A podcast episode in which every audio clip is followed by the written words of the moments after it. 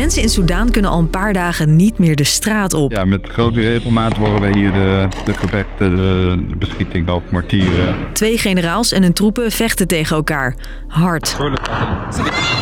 Het resultaat? Tientallen dode burgers, honderden gewonden en de vraag: hoe loopt dit af? Een van de twee wil nog steeds als overwinnaar uit de bus komen. Ik ben Chrisje en ik leg je uit wie tegen wie vecht in Soedan en wat ze willen. Lang verhaal kort. Podcast van NOS op 3 en 3FM.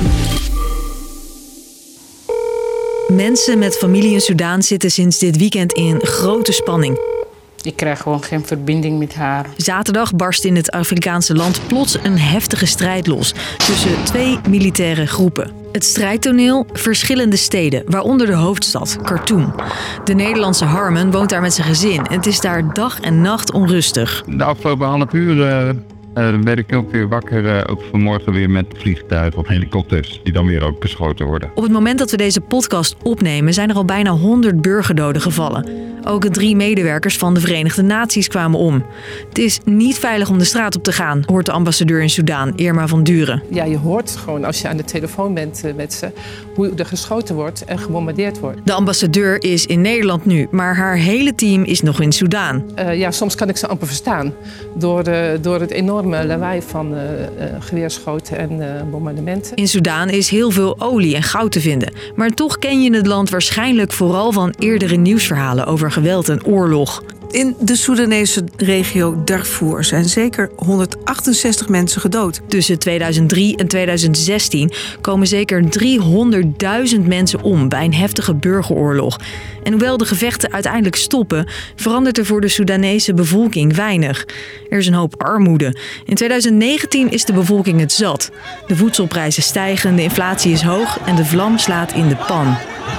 Na maandenlange protesten tegen de regering grijpt het leger in. Het zet de president, die er dan al bijna 30 jaar zit, af en pakt zelf de macht.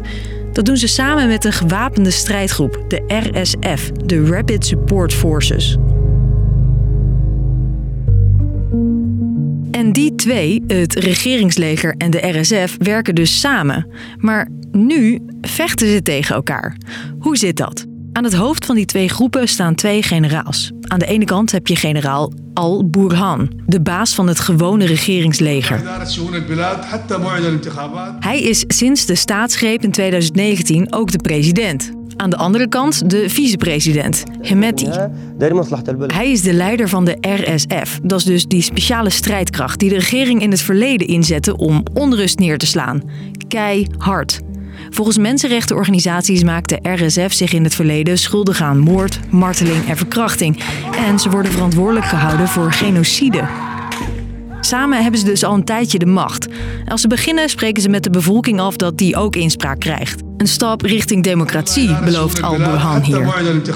Die twee generaals houden de macht een tijdje vast, maar intussen groeit de armoede in het land. En die beloofde democratie is er nog steeds niet. En de militairen zien dat zelf ook. Zegt ambassadeur Irma van Duren. Dus maken ze plannen om de bevolking meer inspraak te geven. Maar er moest een aantal onderwerpen nog uitonderhandeld worden.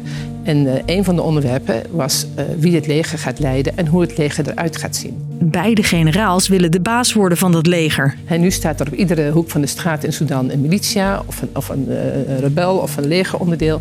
Dat moet geïntegreerd worden zodat we een normaal professioneel leger krijgen in Sudan wat stabiliteit kan geven. Op dat punt gaat het momenteel mis. Regeringsleiders van over de hele wereld zeggen nu: stop met dit geweld. Maar daar luisteren beide partijen nog niet naar. En mensen kunnen ondertussen geen kant op, vertelt Harmon. Nou, op dit moment is het sowieso onmogelijk, want uh, ook uh, de luchthaven schijnt in handen te zijn van uh, de RSF. En ook alle grote straten in de stad om bij de luchthaven te komen. ja, dat, dat is te gevaarlijk. De ambassadeur maakt zich daarom ook zorgen over de bevolking. Want het gebeurde allemaal zo plotseling. En de meeste mensen hebben natuurlijk geen voorraden in huis. Uh, maar ze kunnen ook niet naar buiten. Dus dat is echt heel erg moeilijk. Beide partijen krijgen eigenlijk geen steun van de bevolking. Die wil gewoon die burgerregering, zoals afgesproken. Maar komt hij er nog wel? Die leiders die hebben ten overstaan van de wereld hè, dit afgesproken. Hebben ze gezegd, we gaan die macht overdragen. Uh, daar moeten we ze aan houden. Uh, er wordt momenteel ook ongelooflijk veel druk uitgeoefend. Uh, dat er onmiddellijk een staak te vuren moet komen. Dus ik denk wel dat ze op een gegeven moment moeten ingeven in die druk. En weer aan de onderhandelingstafel moet komen. Dus, lang verhaal kort. In Soudaan vecht het leger dat daar de macht heeft tegen een aparte militaire groep met wie ze eigenlijk zouden moeten samenwerken. Ze zouden hun macht deze maand gaan overdragen aan een burgerregering, maar zijn het niet eens over hoe zij dan verder moeten. Beide kanten vechten hard en de bevolking lijdt daaronder. Of en wanneer ze gaan praten met elkaar is nog niet duidelijk. Dat was hem voor vandaag. Hopelijk luister je morgen en iedere doordeweekse dag rond de klok van 5 uur. Doei!